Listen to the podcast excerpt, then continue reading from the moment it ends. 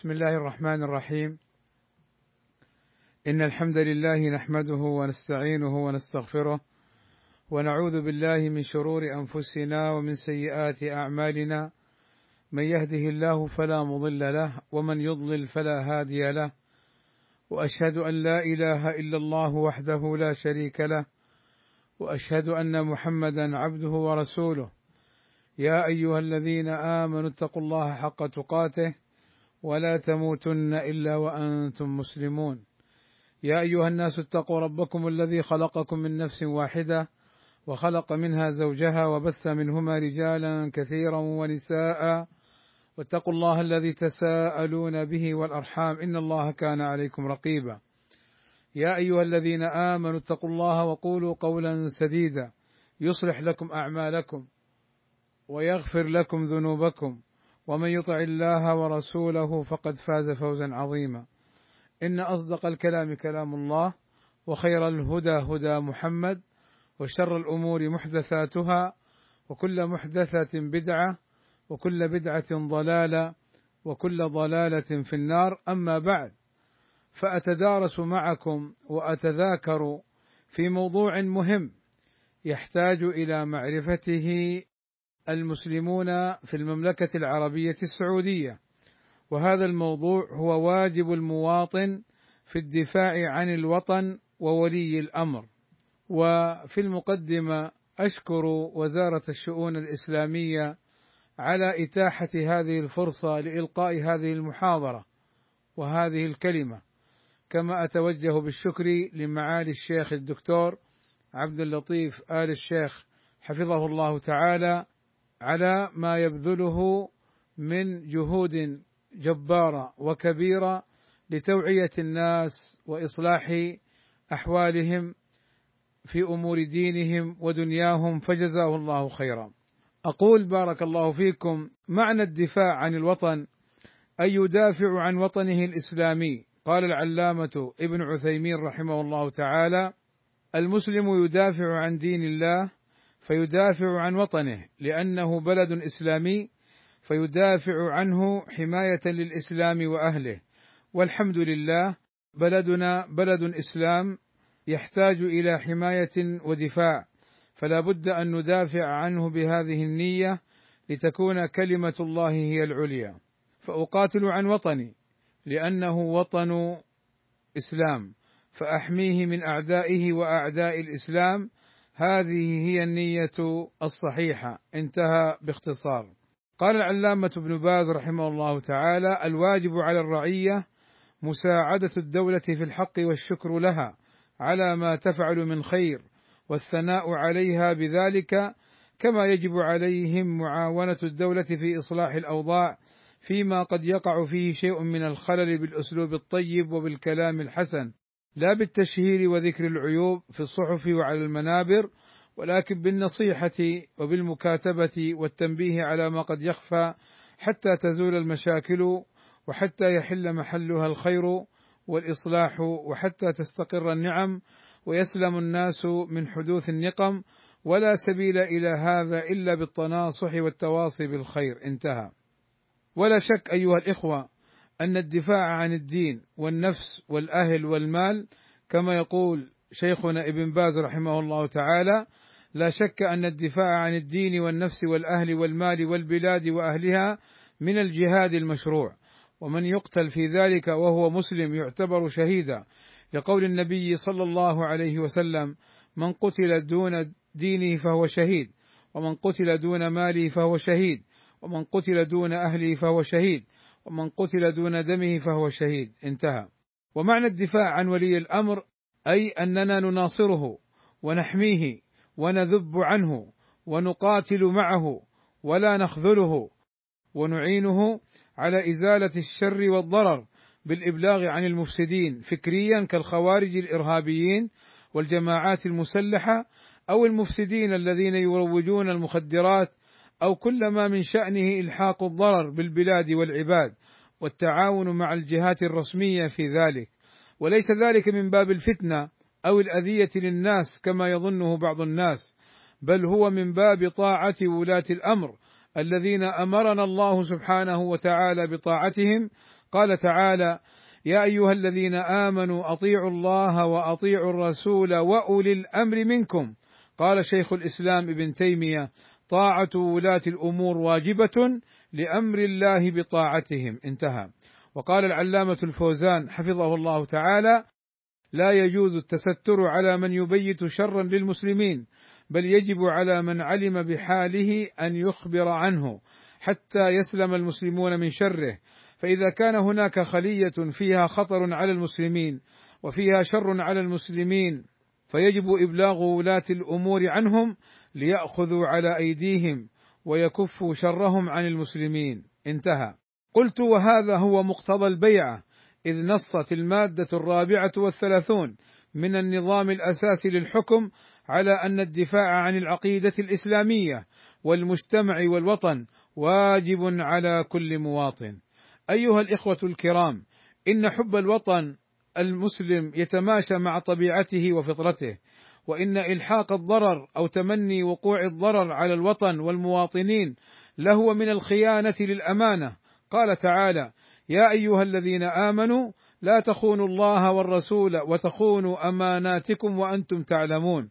واعلموا أنما أموالكم وأولادكم فتنة وأن الله عنده أجر عظيم. قال العلامة السعدي رحمه الله تعالى يأمر تعالى عباده المؤمنين أن يؤدوا ما ائتمنهم الله عليه من أوامره ونواهيه. انتهى.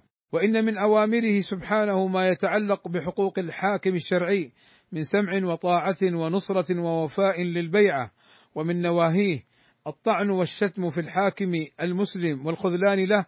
قال العلامة ابن عثيمين رحمه الله تعالى إن من الخطأ العظيم الفادح أن يقع الناس في أعراض الأمراء. وقال أيضا إن الذين يغتابون ولاة الأمور من الأمراء والحكام إنهم ليسيئون إلى المجتمع كله لا يسيئون إلى الحكام فحسب ولكنهم يسيئون إلى كل المجتمع إلى الإخلال بأمنه واتزانه وانتظامه ذلك لأن ولاة الأمور من الأمراء والحكام إذا انتهك الناس أعراضهم قل قدرهم في نفوس العامة وتمردوا عليهم فلم ينصاعوا لأوامرهم ولم ينتهوا عما نهوا عنه وحينئذ تحل الفوضى في المجتمع ويصير كل واحد من الناس اميرا على نفسه وحينئذ تفسد الأمور ويصبح الناس فوضى لا سراه لهم وإن الغيبة من كبائر الذنوب ليست بالأمر الهين انتهى. وسئل العلامة صالح الفوزان حفظه الله تعالى ما رأي فضيلتكم؟ في بعض الشباب الذين يتكلمون في مجالسهم عن ولاة الأمور في هذه البلاد بالسب والطعن فأجاب حفظه الله تعالى بقوله هذا كلام معروف أنه باطل وهؤلاء إما أنهم يقصدون الشر وإما أنهم تأثروا بغيرهم من أصحاب الدعوات المضللة الذين يريدون سلب هذه النعمة التي نعيشها. نحن ولله الحمد على ثقة من ولاة أمرنا وعلى ثقة من المنهج الذي تسير عليه. وليس معنى هذا أننا قد كملنا وأن ليس عندنا نقص ولا تقصير بل عندنا نقص. ولكن نحن في سبيل إصلاحه وعلاجه إن شاء الله بالطرق الشرعية. أما أننا نتخذ من العثرات والزلات سبيلا لتنقص ولاة الأمور أو الكلام فيهم أو تبغيضهم إلى الرعية فهذه ليست طريقة السلف أهل السنة والجماعة. أهل السنة والجماعة يحرصون على طاعة ولاة أمور المسلمين وعلى تحبيبهم للناس وعلى جمع الكلمة. هذا هو المطلوب. والكلام في ولاة الأمور من الغيبة والنميمة وهما من أشد المحرمات بعد الشرك لما يترتب عليها من المفاسد من تفريق الكلمة وسوء الظن بولاة الأمور وبعث اليأس في نفوس الناس والقنوط. انتهى. أيها الإخوة الفضلاء والأخوات الفضليات. إن بلادنا مستهدفة ولها أعداء كثر مختلفون وهذا ما صرح به الأمير نايف ابن عبد العزيز رحمه الله تعالى حيث قال: أقولها بكل وضوح وصراحة نحن مستهدفون في عقيدتنا نحن مستهدفون في وطننا. أقول بكل وضوح وصراحة لعلمائنا الأجلاء ولطلبة علمائنا ولدعاتنا وللآمرين بالمعروف والناهين عن المنكر ولخطباء المساجد دافعوا عن دينكم بكل شيء دافعوا عن وطنكم دافعوا عن أبنائكم دافعوا عن الأجيال القادمة. يجب أن نرى عملا ايجابيا ونستعمل كل وسائل العصر الحديثة لخدمة الإسلام ونقول الحق ولا نأخذ في الحق لومة لائم ونستعمل القنوات التلفزيونية ونستعمل الإنترنت وأنتم بكل وقت تقرؤون وترون ما فيه. أرجو من الله عز وجل السداد والتوفيق. انتهى كلامه رحمه الله وغفر له ورفعه في العليين. أقول والسؤال هنا لماذا يقصدون المملكة العربية السعودية ويستهدفونها؟ لماذا يشوهون صورتها؟ لماذا يسعون لإسقاطها؟ لماذا يسعون للكذب والافتراء عليهم؟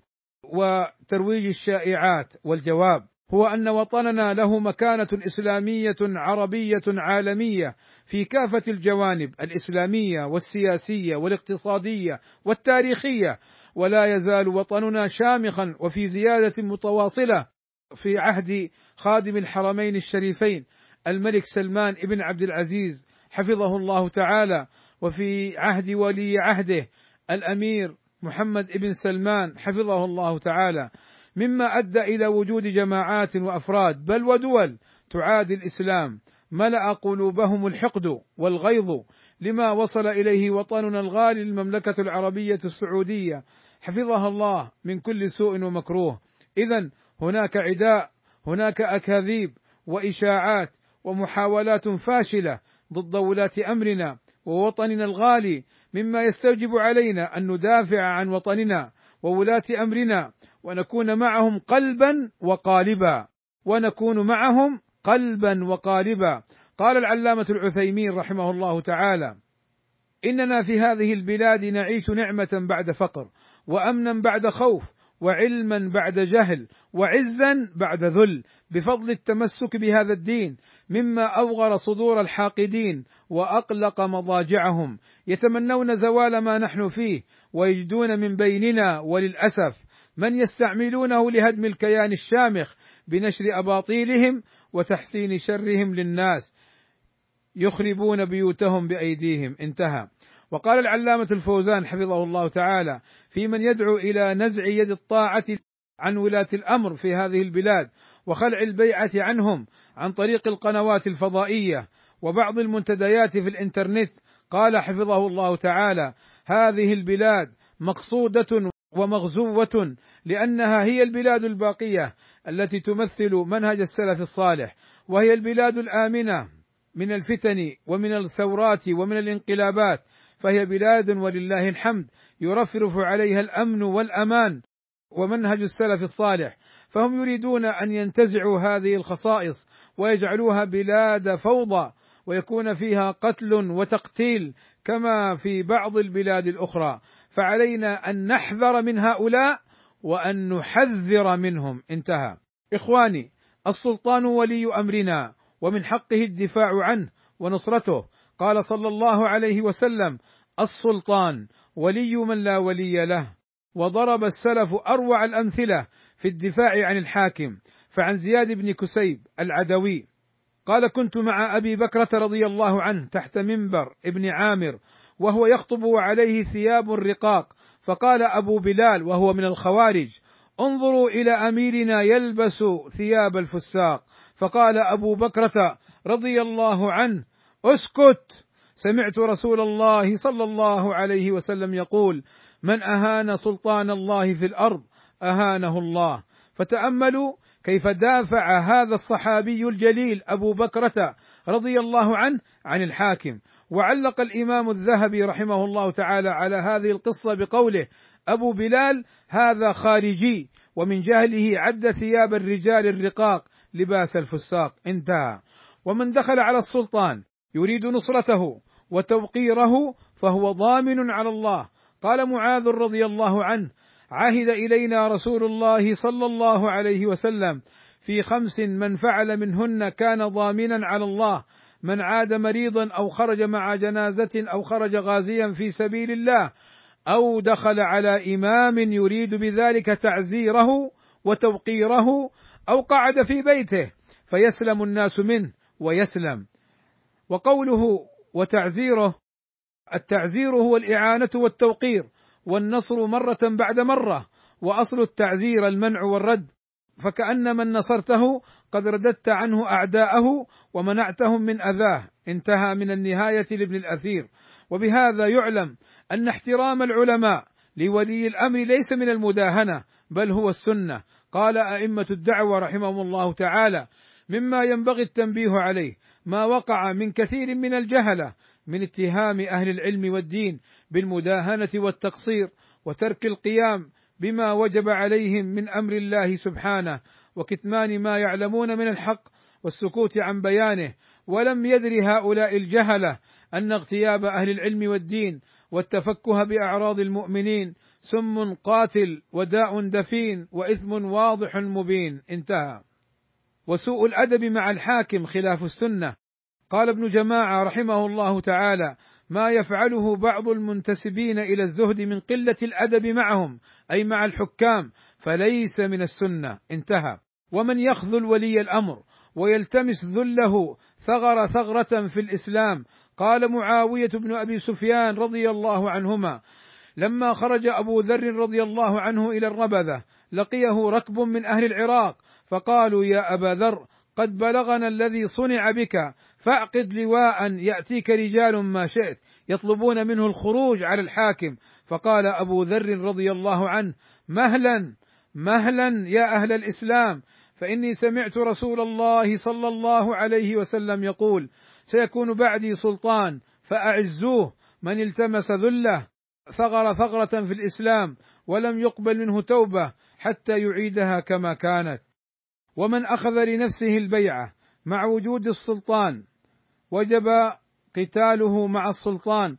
قال العلامة النجمي رحمه الله تعالى من أخذ البيعة لنفسه من وراء علم الإمام وبغير إذنه وجب قتله. أي من الإمام. إن ظفر به ووجب قتاله مع الإمام إن لم يظفر به وخرج خروجا فعليا.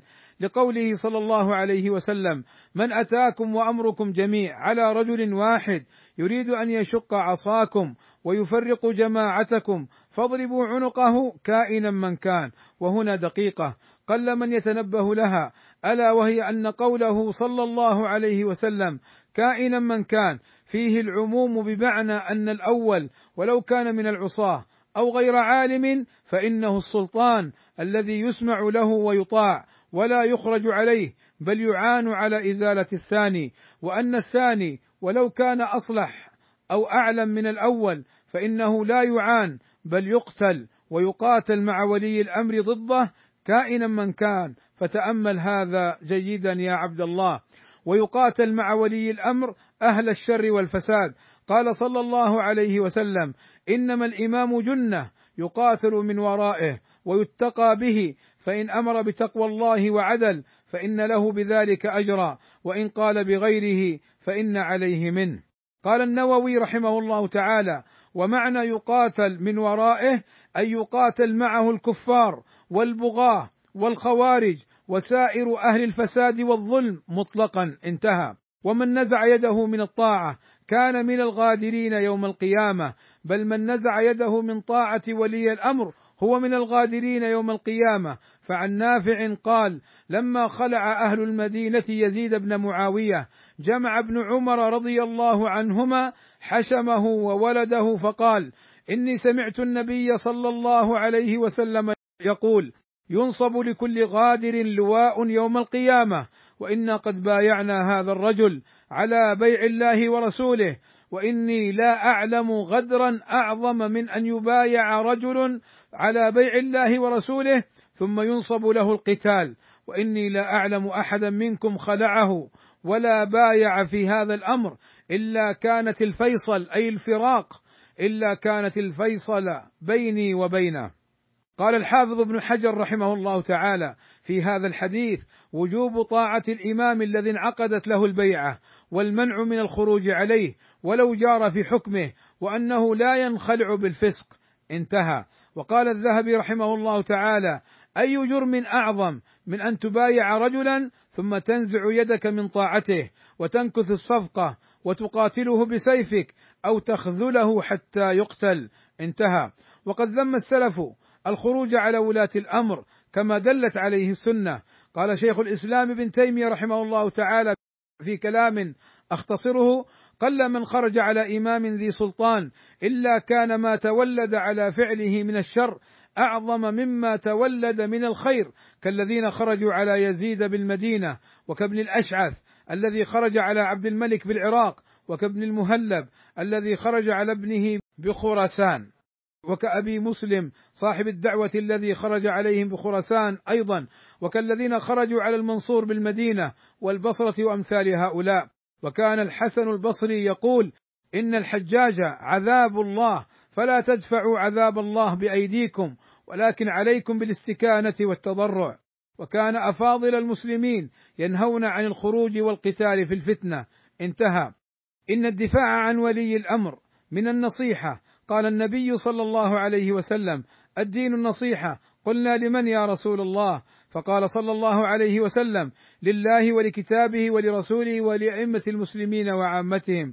قال الحافظ ابن رجب رحمه الله تعالى النصيحة لأئمة المسلمين حب صلاحهم ورشدهم وعدلهم وحب اجتماع الأمة عليهم وكراهة افتراق الأمة عليهم والتدين بطاعتهم في طاعة الله عز وجل والبغض لمن رأى الخروج عليهم وحب إعزازهم في طاعة الله عز وجل انتهى. وقال الشيخ السعدي رحمه الله تعالى في الملوك كم لهم من الآثار الخيرية فحقهم عظيم على جميع الرعية عليهم النصح لهم في كل ما يقدرون على نصحهم وإعانتهم على مهماتهم واعتقاد ولايتهم وحث الناس على لزوم طاعتهم وإرشادهم إلى كل خير وصلاح وتحذيرهم عن كل شر وضرر في الدين والدنيا على وجه الرفق واللين والدعاء لله بصلاحهم فإن الدعاء لهم دعاء للرعية كلها كما إن إرشادهم إلى مصلحة ومشروع خيري نافع شامل انتهى. وكان السلف يربون الناس على عدم سب الأمراء وهو من صور الدفاع عنهم. قال أنس بن مالك رضي الله عنه نهانا كبراؤنا من أصحاب رسول الله صلى الله عليه وسلم. قالوا لا تسبوا أمراءكم ولا تغشوهم ولا تبغضوهم واتقوا الله واصبروا فإن الأمر قريب. قال الشيخ صالح الفوزان حفظه الله تعالى شحن الغل والحقد على ولاة الأمور في قلوب العامة هو من عمل المفسدين والنمامين الذين يريدون إشاعة الفوضى وتفكيك المجتمع المسلم والناصح لأئمة المسلمين وعامتهم على العكس من ذلك فهو يسعى في تحبيب الرعاة إلى الرعية وتحبيب الرعية إلى الرعاة وجمع الكلمة وتجنب كل ما يفضي إلى الخلاف. انتهى.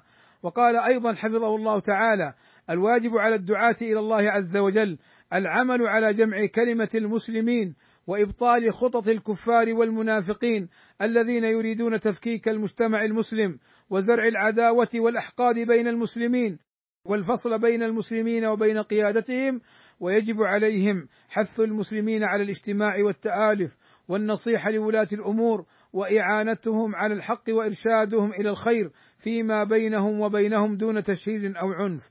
انتهى. وعلى هذا كان السلف الصالح.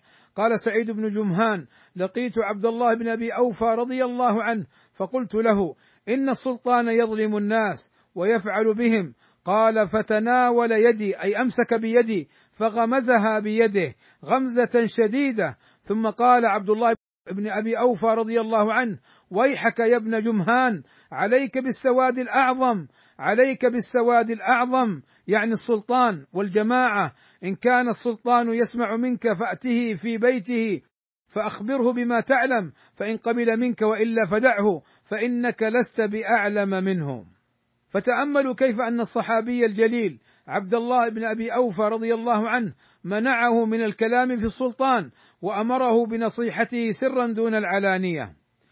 وطننا المملكة العربية السعودية دولة التوحيد والسنة بشهادة العلماء ويتبين ذلك أيضا من عدة أوجه.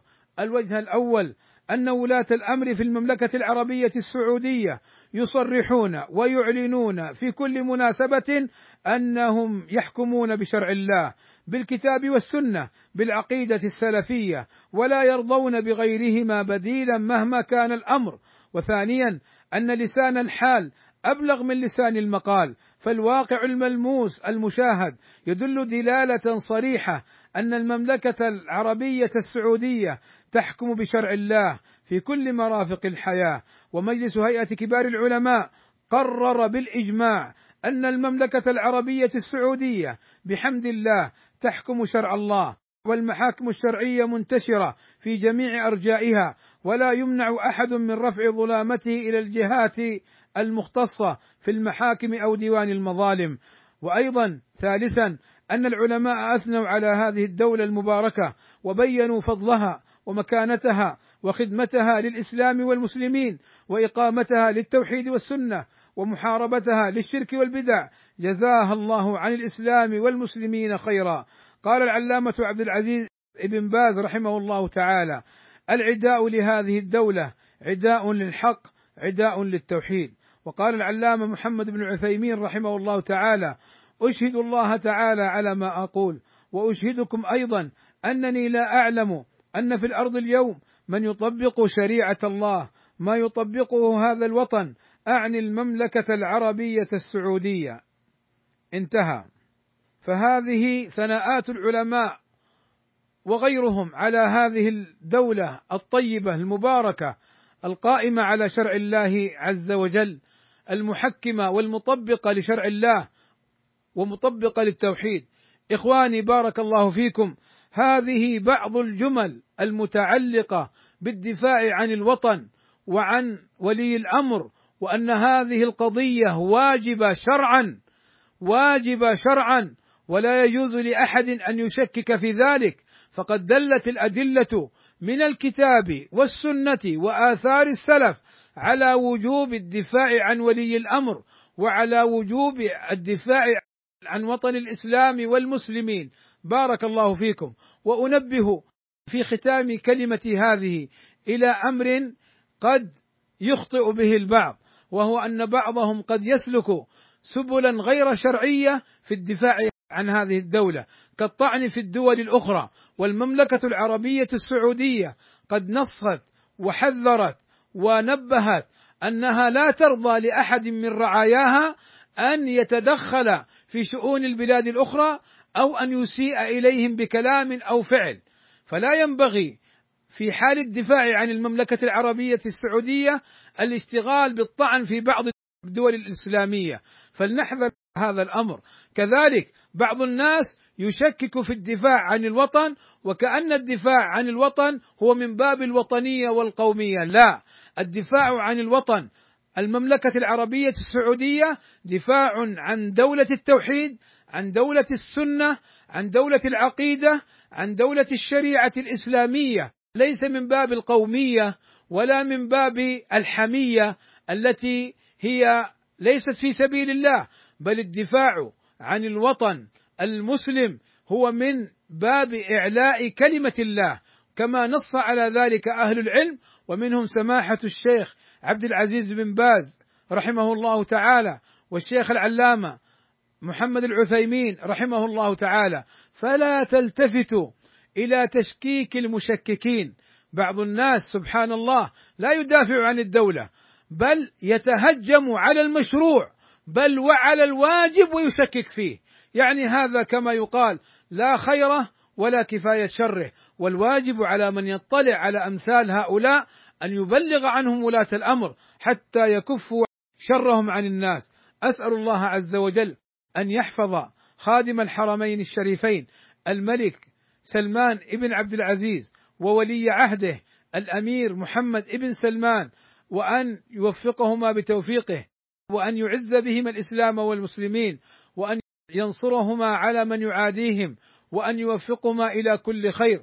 أسأل الله عز وجل أن يحفظ هذا الوطن الغالي المملكة العربية السعودية من كل سوء وأن من أراد به كيدا وأن من أراد به افسادا أن يجعل كيده في نحره وأن يحفظ هذه البلاد وحكامها وشعبها من كل سوء وسائر بلاد المسلمين وصلى الله وسلم على نبينا محمد وعلى آله وصحبه أجمعين والحمد لله رب العالمين.